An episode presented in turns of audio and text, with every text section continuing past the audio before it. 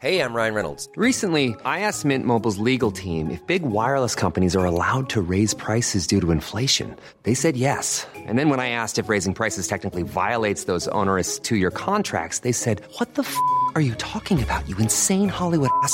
So to recap, we're cutting the price of Mint Unlimited from $30 a month to just $15 a month. Give it a try at mintmobile.com slash switch. $45 upfront for three months plus taxes and fees. Promo for new customers for limited time. Unlimited more than 40 gigabytes per month. Slows. Full terms at mintmobile.com.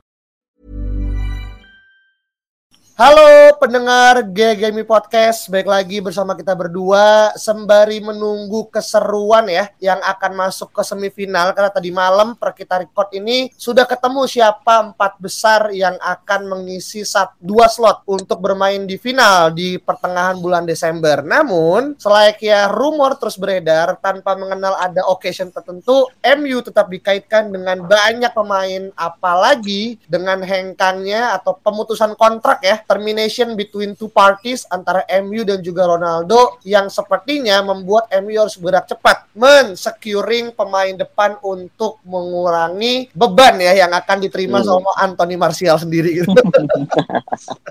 nah, ini ada empat nama nih yang akhirnya menjadi komoditas hangat dan empat-empatnya ini bermain di Piala Dunia gitu kan. Wah, Hmm. ini keren-keren banget nih ternyata namanya gitu kan, bukan nama yang kaleng-kaleng gitu kan. Di mana mungkin kalau teman-teman udah dengar dari lama pasti tahu lah eh, ada nama Joao Felix, Jonathan David, eh, Gakpo gitu kan dan juga eh, Ramos. Ini bukan Sergio Ramos ya. Sergio Ramos gitu kan. Nah, kita mulai dari nama yang paling eh, baru deh ya, yaitu adalah Gonçalo Ramos nih yang mana mencuri perhatian dengan hat trick ke gawang Switzerland gitu kan yang juga diincar yang juga kiper diincar juga MU juga tapi nanti kita bahas di lain eh, sisi gitu. Nah, gimana menanggapi Gonçalo Ramos 21 tahun striker Benfica? Ah, Ramos ini kalau gue lihat ya dia dia tuh tipe striker yang cukup agresif dalam arti dia nggak cuma nunggu di depan doang gitu, tapi dia bisa ngejar bola ke kanan, ke kiri, sampai ke belakang juga, buat pressing juga bagus gitu. Jadi memang menurut gua si Ramos ini adalah all rounder striker. Dia bisa bisa melakukan hal yang seperti kalau kalau gue bisa bilang ya dia tuh mirip banget sama Rooney. Rooney di zaman dulu yang mana dia main di kanan bisa main di kiri bisa jadi nomor 10 bisa jadi striker di depan bisa gitu. Cuma memang mungkin kekurangan dari all rounder itu adalah jadinya fokusnya nggak cuma mencetak gol aja gitu. Dia bukanlah tipe pemain yang sangat bisa diandalkan untuk mencetak gol tiap pertandingannya kayak gitu. Bukan seperti let's say kalau misalnya kita bicara kayak Sesko ya itu kan memang striker tipikal nomor 9 ya. Nah kalau Ramos ini ya lebih kepada memang lu diplot di depan lu bisa melakukan apa pun gitu. Mungkin dia nggak mencetak gol di beberapa pertandingan cuma mungkin kontribusinya lebih kepada hal-hal yang nggak terlihat gitu yang mana mungkin fans dan juga para mungkin haters gitu ya itu juga bakal banyak menggoreng gitu. Mungkin dia cuma bisa nge-pressure aja gitu atau mungkin cuma mengganggu taruh kepada performa tim kayak gitu sih menurut gua. Jadi memang eh, selain dari usia yang masih muda ya menurut gua dia kan masih 21 dan ternyata secara penampilan di 11 game bersama Benfica di musim ini dia udah nyetak 9 gol dan juga Hmm. 3 assist gitu kan. Ya, meskipun ya baik lagi tidak bisa di apple to apple antara eh, Liga NOS ya, NOS dan juga Iya. Liga Inggris tapi menurut gua banyak pemain yang akhirnya kan melejit dari Liga NOS yang akhirnya berpindah kan ke liga yang besar dan beberapa terbukti sukses gitu kan. Kita nggak menyebut satu nama ya yang akhirnya orang salah beli gitu kan. Tapi poin gue adalah kayak, apakah memang ini tuh semacam kayak coincidence ketika kita kehilangan sosok seumur Ronaldo yang datang dari uh, Lisbon, kemudian digantikan oleh re, apa ya regenerasi juga dari Portugal juga atau gimana lo ngelihat coincidence ini Vin? sangat mungkin sangat mungkin karena memang gue juga pernah bilang ya waktu itu. Nggak tahu kenapa menurut gue MU itu cocok banget sama pemain-pemain Portugal. Dibandingkan sama pemain-pemain seperti mungkin ya mungkin Argentina. Argentina mungkin beberapa cocok gitu tapi kebanyakan mungkin nggak cocok gitu loh. Cuma kalau misalnya Portugal itu kayaknya mostly cocok sih ya kecuali mungkin BB kali ya. Itu kan itu itu another case lah ya gitu. Cuma kalau misalnya kita lihat Portugal itu memang sangat eh, apa ya match made in heaven aja buat MU gitu loh. Kalau misalnya dibilang bahwa Ramos ini adalah the new mungkin new eranya untuk pengganti Ronaldo, ya menurut gua sangat mungkin untuk terjadi gitu. Iya iya iya iya. Dan kemarin juga sempat ada foto ya Ronald eh, apa Gonçalo Ramos dan juga agen Bruno kan yang memang akhirnya bisa jadi semacam sinyal elemen untuk come and get me gitu kan tapi dengan cara-cara implisit gitu kan kayak yang dilakukan sama beberapa ex main MU kan yang akan mencoba untuk flirting dengan target gitu kan. Tapi memang ini uh, komunitas yang panas ya dan gue ngerasa memang Benfica tuh selalu tidak pernah kehilangan aset ya dari mulai zamannya siapa? Felix berarti ya. Mhm. Felix kan terus juga sekarang masuk ke Ramos sebelumnya Nunes gitu ya setiap tahun bisa menghasilkan 120 juta pound sendiri gitu untuk satu atau dua pemain gitu kan Iya, iya. ini bisnisnya sangat-sangat ini banget gitu kan tapi eh, selain dia tadi ya memang lu bilang memang Portugal dan MU tuh somehow memberikan koneksi yang sangat eh, baik gitu kan tapi gua rasa emang apa gara-gara jersey sama-sama merah ya Makanya- Merah kan merah Belgia juga cocok. Iya kan sih. jangan ya. bener Apalagi bener sama-sama Red Devils juga kan. Iya makanya gitu kan kita juga pernah punya striker dari sana tapi Iya. sayangnya belum tentu ini juga gitu kan. Oke, ini Gonçalo Ramos. Nah, sekarang kita geser ke kompatriotnya Gonçalo Ramos, seniornya dia di Benfica juga ya yang udah eh, udah keburu melalang bola dan dia tuh kalau nggak salah pencetak rekor tiga ya, top 3 world paid players ya. Maksudnya transfer kan, transfer record kan. Apa sekarang peringkat kelima ya gitu kan 120 juta itu adalah Joao Felix gitu kan sekarang di Atletico dan katanya gitu. Tenak ini katanya kesemsem gitu kan sama bagaimana Felix itu memiliki style dan juga mungkin cocok untuk mengisi posisi bagian depan. Tapi pertanyaan adalah apakah Felix adalah seorang striker yang memang akhirnya bisa kita tap in secara day in day out gitu kan atau memang lu ngeliat Felix ini lebih kepada subsidi dari mungkin kemelempamannya Jadon Sancho di musim ini Vin? Joe Felix, gua gimana ya? Terlepas dari harganya memang mahal ya, dan Atletico juga kayaknya nggak bakal melepas di bawah 120 juta. Gue melihat Felix ini kayak kayaknya ya bukan sosok yang tepat gitu untuk MU. Gua to the point aja gitu kayak dibandingkan Ramos yang memang dia punya determinasi tinggi dan juga bisa ngejar ke sana kemari, bisa membantu pertahanan juga. Felix sepertinya ini adalah tipe yang apa ya? Mungkin lebih ke stylish ya. Nah tadi lu juga udah bilang dia punya style. Gue nggak yakin apakah benar itu adalah satu hal yang memang diinginkan oleh Ten Hag gitu untuk di posisi striker. Jadi kalau tadi lu bilang Ten Hag ini mungkin big fan of him gitu, gue nggak tahu apakah itu benar atau enggak gitu. Cuma berita yang gue baca adalah Felix yang katanya ingin ke MU gitu. Nah, apakah Ten Hag mau Felix ke MU itu menurut gue adalah hal yang lain. Dan kayaknya sih menurut gue enggak ya, kalau kata gue. Hmm, oke. Enggaknya karena memang secara harga yang pasti nggak murah, pasti ya. Nggak mungkin Atletico akan banting harga atau dumping di angka 50 kayak juga nggak mungkin ya. iya, iya. Atau, atau lebih gimana? ke lebih ke ini aja karakter aja maksudnya adalah bukan karakter orangnya ya, tapi memang karakteristik permainannya gitu gayanya berbeda dengan yang eh, Ten Hag inginkan kayak gitu Felix tuh mirip siapa ya kayak mungkin kayak Firmino tapi dia lebih stylish lagi gitu jadi memang kalau misalnya kita lihat di Portugal sekarang kan dia lebih kepada di posisi AM kan di posisi AM bareng Bruno Fernandes di belakang striker gitu. Sedangkan kita butuh yang benar-benar bisa cetak gol juga gitu loh. Dan menurut gua kalau misalnya bicara seperti itu ya Felix bukan orangnya sih. Meskipun dia adalah good edition gitu pastinya good edition gitu. Cuma poin kedua adalah harga gitu loh dengan style yang seperti itu. Dan dia sepertinya memang bukan bukan untuk saat ini gitu. Mungkin untuk saatnya nanti ketika kita udah lebih stable itu mungkin butuh juga gitu loh ketika oh iya selain daripada striker yang haus gol dan juga bisa pressing kita juga sama butuh pemain yang stylish juga nah adalah Felix itu dibeli gitu kan cuma kalau di awal kayaknya enggak deh menurut gua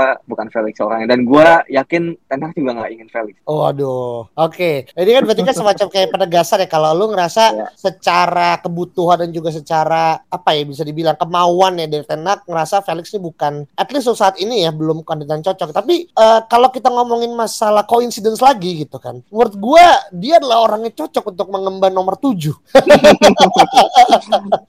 Gimana tanggapan gak tuh gitu?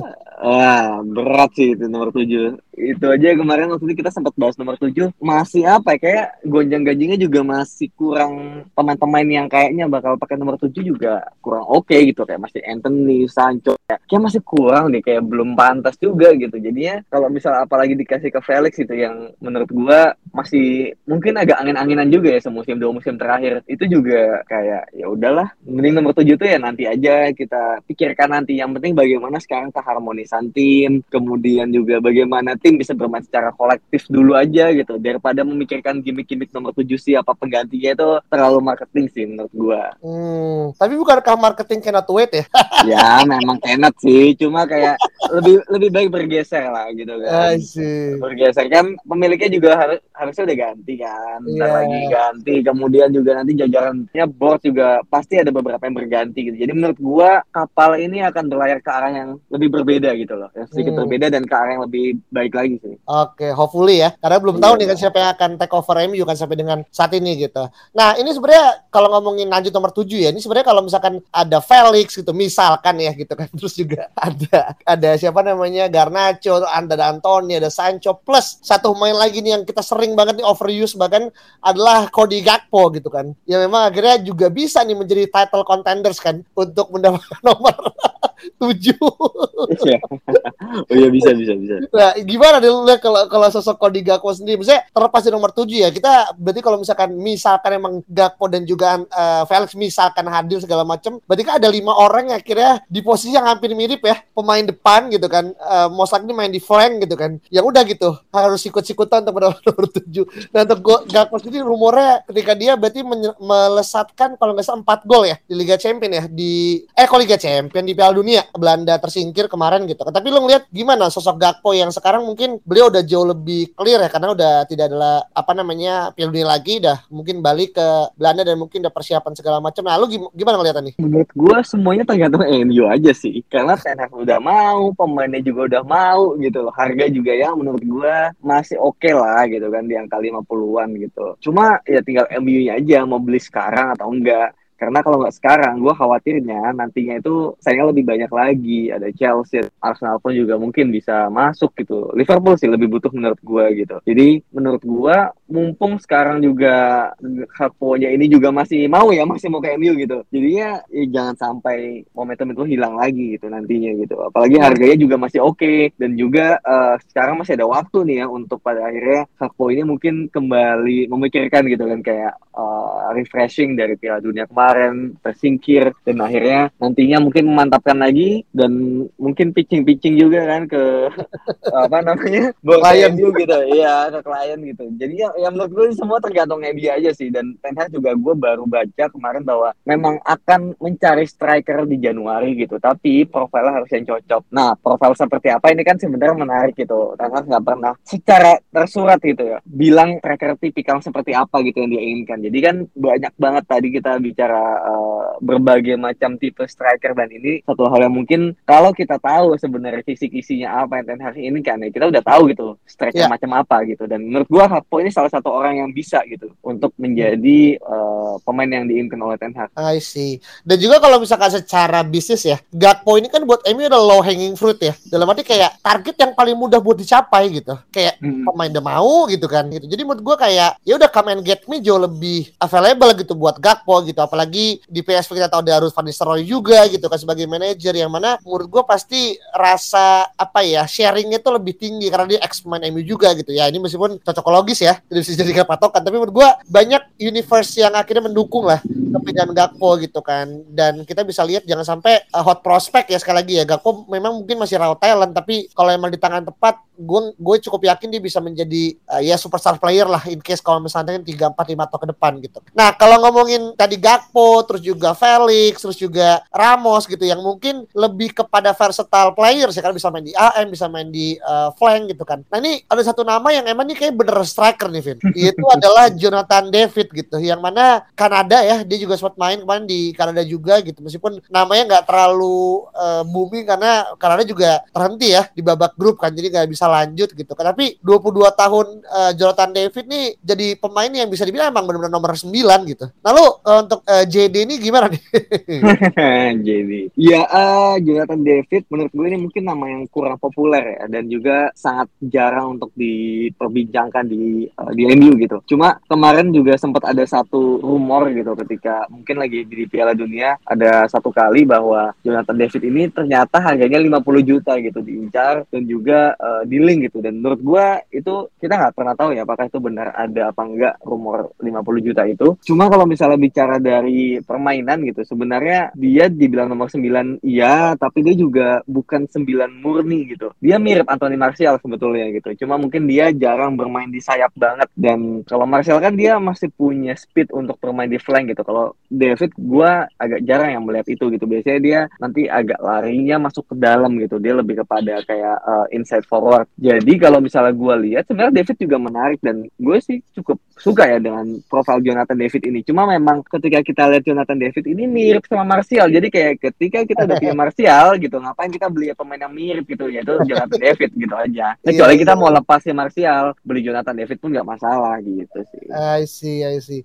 Dan ternyata nih uh, gue lihat ya JD sendiri nih di state Pierre Mauroy itu di kandangnya Lille tuh ternyata masih punya sisa tiga tahun lagi kontrak ya. Jadi kalau di hmm. angka 50 menurut gue sih wajar ya. Ya namanya hmm. juga pemain masih tiga tahun lagi gitu. Kalau dia hmm. di angka 25 menurut gue aneh gitu karena berarti dia nggak perform gitu.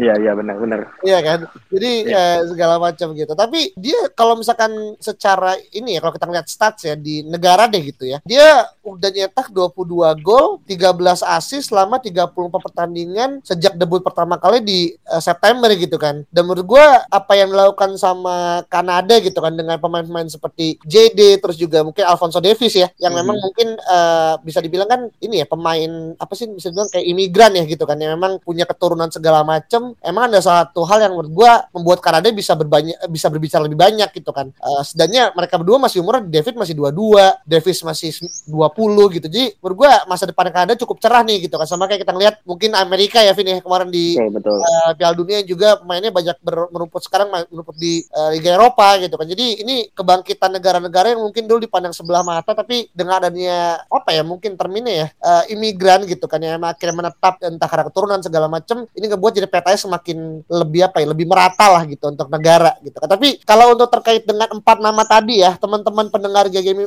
Podcast mungkin bisa nih memberikan pendapat kira-kira dari empat nama siapa yang paling cocok, paling ideal menurut teman-teman berdasarkan kisi-kisi yang Ten Hag mungkin punya di otaknya Ten Hag gitu kan. Yang teman-teman mungkin bisa bermain butak gatik ini kayak si ini nih, si ini nih segala macam yang mungkin budgetnya masuk, kebutuhannya oke okay, gitu kan. Dan juga mungkin komersialnya juga mantep gitu. Hmm, yeah, bonus yeah, ya kalau itu ya gitu kan. Karena hmm. ya baik lagi sepak bola dari industri dan semua pasti butuh bola mata untuk mencapai ke sana gitu. Tapi uh, untuk masalah forward kita cukup uh, dan kalau teman-teman mungkin punya nama yang beda silahkan komen aja di Twitter kita. Mungkin ini bro, bro satu lagi mungkin uh, dari gua malu terakhir ini ngurutin dari empat nama yang tadi udah kita bahas, huh? mana yang paling mungkin gitu atau favoritnya ah. kita siapa empat gitu. Oh boleh boleh ya. boleh boleh boleh. Lu mau mulai dulu siapa yang akhirnya? Ya, boleh boleh. Gua ya. Kalau gua nomor satu Gakpo, kedua Ramos, ketiga David, keempat Felix. gue sebenarnya paham tuh, gue paham tuh cara pikirnya gimana tuh. Tapi kalau pun akhirnya dikembalikan ke gue pun sebenarnya ya jawabannya juga sama gitu karena oh. pun juga dalam arti konteks yang rasional kalau nggak rasional kalau ada saung ya mungkin saung akan naro Felix pertama gitu Felix pertama, ini gue mewakili Saung ya. Felix pertama, uh, Gakpo kedua, Ramos ketiga, David keempat. Nah itu kalau Saung tuh, kalau gue me me mewakili ya gitu. hmm. Tapi kalau gue as in diri gue sama sih. Uh, Gakpo ada low hanging fruit, terus juga uh, Ramos adalah strike apa namanya pemain yang menurut gue cukup menarik perhatian ya gitu kan. Uh, yang ketiga adalah uh, David dalam arti namanya tidak terlalu harum dalam arti dibandingkan tiga yang lainnya, tapi secara versatility, secara usia dan juga secara potensial ada, harganya juga nggak begitu mahal. Tapi yang keempat itu menurut gue kayak kalau udah kurva tuh udah outliers lah gitu. kayak lu kobion aja gitu kalau mau ke Felix gitu. Kayak lu yeah. lu harus lewatin dua tiga empat belokan baru akhirnya bisa dapat Felix meskipun returnnya pasti tinggi juga. Gue sih cukup yakin ya karena dia juga punya potensi dan semalam gue nonton dia main lawan Maroko itu banyak chance yang akhirnya dia uh, lakukan miss ya? Cacang dia miss ya? Iya iya iya miss, ya tapi yang dia tendangan kaki kiri yang di babak kedua pas di tepi Sabono tuh kalau kipernya mungkin bukan Bono bisa jadi gol itu menurut gue sih kemarin ya karena itu benar-benar finger tips doang gitu yang mungkin berapa milimeter gitu tapi well kalau kiper uh, De Gea gol ya Henderson kalau gol kayak itu. Iya, oleh gitu ya. Uh, maksudnya kalau gue sama Alvin mungkin sama gitu kan. Dan teman-teman silakan juga urutin dan juga sekali lagi jangan lupa untuk follow podcast kita di Spotify, GGB Podcast dan kita ketemu lagi pada next episode. Bye bye. Mom deserves the best, and there's no better place to shop for Mother's Day than Whole Foods Market. They're your destination for unbeatable savings, from premium gifts to show-stopping flowers and irresistible desserts. Start by saving 33% with Prime on all body care and candles. Then get a 15-stem bunch of tulips for just $9.99 each with Prime. Round out Mom's menu with festive rosé, irresistible berry chantilly cake, and more special treats. Come celebrate Mother's Day at Whole Foods Market.